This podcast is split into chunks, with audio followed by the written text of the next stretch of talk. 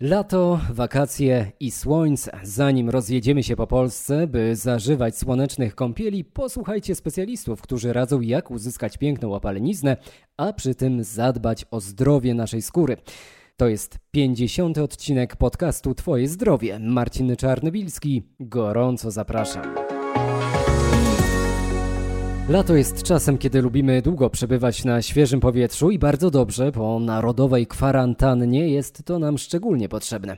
Jedni tęsknią za wylegiwaniem się na plaży, inni z kolei nie mogą się doczekać górskich wycieczek. Niezależnie od tego, co będziemy robić podczas urlopu, pamiętajmy, że słońce świeci dla wszystkich tak samo, choć są miejsca, gdzie opala dużo mocniej, mówi dermatolog Kamila Białek-Galas. Występuje różne natężenie światła słonecznego, po pierwsze o różnych godzinach, a po drugie również na wyższych wysokościach. Także będąc w górach, będąc na większej wysokości, dużo łatwiej jest się po prostu szybciej poparzyć. Między 10 a 15 to właśnie godziny, w których słońce świeci najmocniej i tym samym z największą szkodą dla naszej skóry.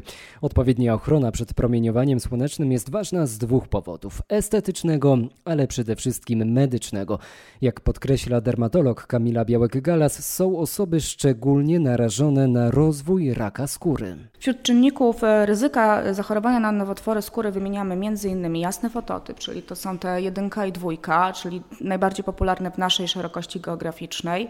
Są to pacjenci, którzy mają wywiad dodatni w kierunku czerniaka w rodzinie. U nich rzeczywiście występuje zdecydowanie większe ryzyko, że zachorują na tą chorobę. Po trzecie są to pacjenci, którzy przebyli już przynajmniej pojedynczy epizod prawda, czerniaka. U nich statystycznie częściej pojawiają się kolejne epizody czerniaka. W końcu znamiona barwnikowe. Szacuje się, że u pacjentów, którzy e, mają tych znamion barwnikowych powyżej 50, ryzyko zachorowania na tą chorobę, na, na czerniaka jest statystycznie większe. Tworząc listę rzeczy do spakowania na wakacje, upewnijmy się, że jest na niej krem z filtrem. W przypadku filtrów bardzo ważne jest, aby nakładać około 30 minut przed ekspozycją na słońce.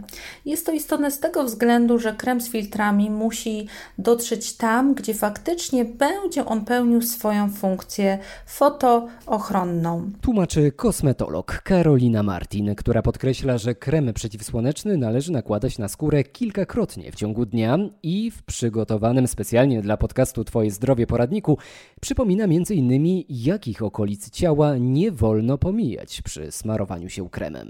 Pamiętajmy również o dłoniach i stopach. E, są to takie obszary ciała, które bardzo często są pomijane przy fotoprotekcji, a wiadomo jest, że dłonie zdradzają wiek kobiety.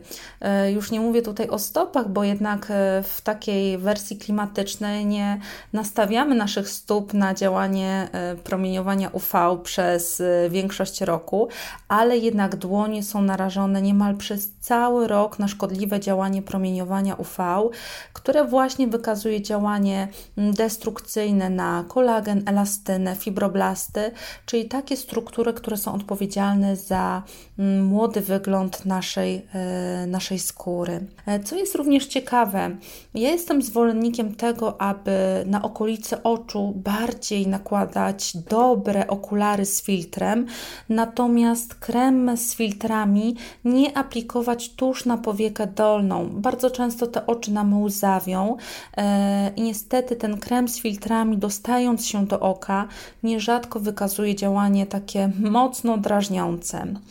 Warto co dwie godziny powtarzać e, taką aplikację kremu z filtrami, dlatego że producenci deklarują, że kremy fotoprotekcyjne działają najlepiej przez okres około dwóch godzin.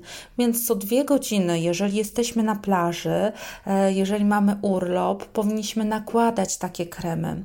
A co jeżeli mamy makijaż? Oczywiście wielu producentów e, udostępnia nam takie preparaty w postaci tak zwanych mgiełek, którymi możemy spryskać twarz, na którą oczywiście e, nałożony został wcześniej makijaż. E, zatem, nawet jak mamy makijaż na twarzy, możemy śmiało co dwie godziny mm, taką barierę ochronną uzupełniać. Bardzo ważne jest, żeby dobierać inne filtry mm, na różne okolice naszego ciała.